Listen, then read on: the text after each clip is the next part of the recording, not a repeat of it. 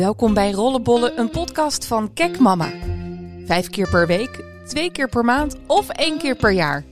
Elke aflevering hoor je een verhaal over het seksleven van een moeder. En deze week het verhaal van Margriet. Zij is 34, getrouwd met Peter van 36 en moeder van twee tweelingen. De laatste keer seks weet ik nog precies.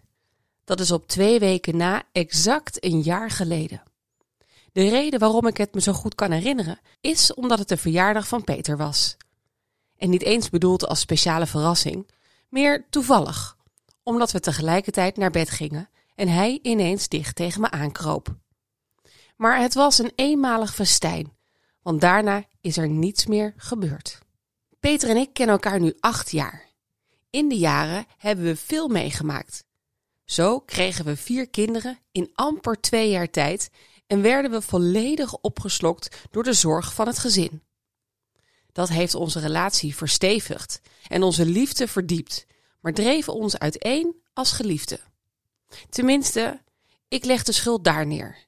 We zijn nu te veel ouders en partners en te weinig lovers. Toen we elkaar net kenden, hadden we geen enkele aanmoediging nodig.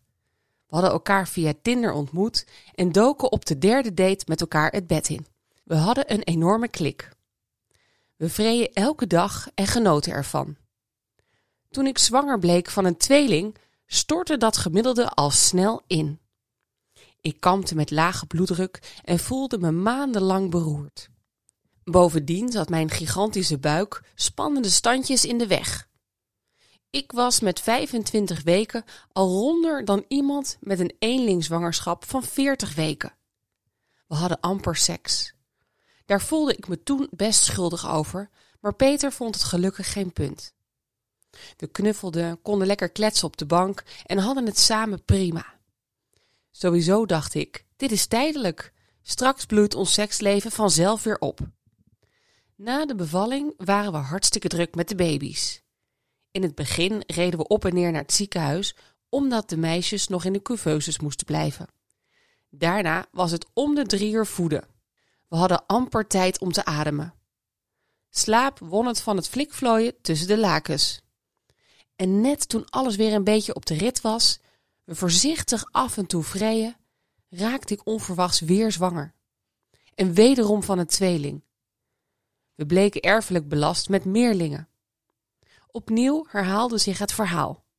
Ziek, zwak, misselijk en slaaptekort. Om het overleven te noemen klinkt zwaar, maar het zijn wel tropenjaren. Inmiddels is het allemaal achter de rug. De kinderen zijn stukken minder afhankelijk van ons, kunnen zich zelfstandig aankleden en vermaken zich prima met een filmpje in het weekend en zijn bovendien fantastische slapers.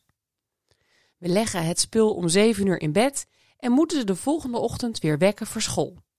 Wat dat betreft mogen we niet klagen. Toch lukt het ons niet de passie terug te laten keren in ons leven. Ik wil nog wel, maar het lijkt gewoon of Peter nauwelijks lustgevoelens heeft. Ik weet in ieder geval niet hoe ik die knop bij hem om moet zetten. Af en toe onderneem ik nog een poging, maar het lijkt alsof hij me bewust afkapt. Wil ik hem lekker zoenen in de slaapkamer, pakt hij net op dat moment een knuffel van het bed die de kinderen hebben achtergelaten, om even gek mee te spelen. En als ik dan een nieuw lingerie setje aantrek, dan zegt hij alleen maar: Oh, leuk. Zien we een seksscène op televisie, gaat hij op zijn telefoon zitten kijken.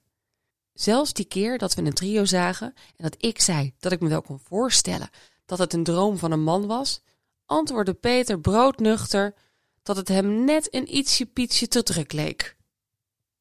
Ik praat er wel eens over met een vriendin. En dan vraag ik haar of zij een laag libido normaal vindt voor een man. Want Peter zit echt op het niveau vrieskist. We geven elkaar best nog wel een zoen, maar nooit heel wild of met tong. Meer een keurige kus voor het slapen gaan, als we wakker worden en bij vertrek naar werk of de supermarkt. Volgens mijn vriendin hoef ik me geen zorgen te maken. Haar vent heeft soms hele periodes geen behoefte aan seks. Het stemde me wel gerust. Dat stemde me wel gerust. En ik ben ook niet bang dat hij vreemd gaat, want daar hij type niet voor. Mijn vriendin opperde voor de grap dat ik een minnaar moest zoeken. Maar nee, dat zou ik echt niet willen. Ik wil mijn gezin niet in gevaar brengen. Bovendien hou ik te veel van Peter en heb ik te veel respect voor hem om hem zo te kwetsen. Voorlopig zoek ik het bij speeltjes. Ik ga toch altijd eerder naar bed. Heb ik zin? Dan pak ik Tarzan erbij. Of Peter dat door heeft? Hm, geen idee. Hij weet wel dat ik vibrators in mijn nachtkastje heb liggen. De kinderen weten dat ook. Dat is verboden terrein, want die laadjes zijn van mama. Ik vind het fijn mezelf af en toe te ontladen met een speeltje. Of Peter ook masturbeert? Hm, ik heb geen idee of hij er tijd voor heeft. Hij ligt namelijk bijna nooit alleen in bed. En als hij doucht, staat vaak de badkamer vol met tandenpoetsende kinderen of sta ik daar te wachten, want meestal ga ik achter hem aan. Ik ben niet boos, natuurlijk wel gefrustreerd. Ik mis de verbinding, de aanraking, het fijne gevoel, de bevestiging. Na twee duo-zwangerschappen ben ik niet ongeschonden uit de strijd gekomen. Ik heb veel loshangend vel over mijn buik en daar kan ik me wel eens onzeker over voelen. Peter zegt wel dat ik echt geen badpak aan hoef als ik klaag dat bikinis niet meer kunnen. En hij zegt: Je bent mooi zoals je bent. Maar dan denk ik vaak: Ja, neem dan een keer het initiatief. Pak me beet, zeg hoe sexy je me vindt en dat je naar me verlangt. Onderhands ben ik bijna op het punt dat ik naar de huisarts wil voor hulp. Ik vind ons namelijk veel te jong voor een ingedut seksleven en ben bang dat we hier anders niet samen uitkomen. Mijn schoonouders slapen al jaren met een stapel kussens tussen hen in en dat is echt een schrikbeeld. We hebben gelukkig wel één dekbed en liggen tegen elkaar aan. Maar intiemer dan een vriendschappelijke knuffel wordt het helaas niet. Niet vanzelf. En dat was hem weer.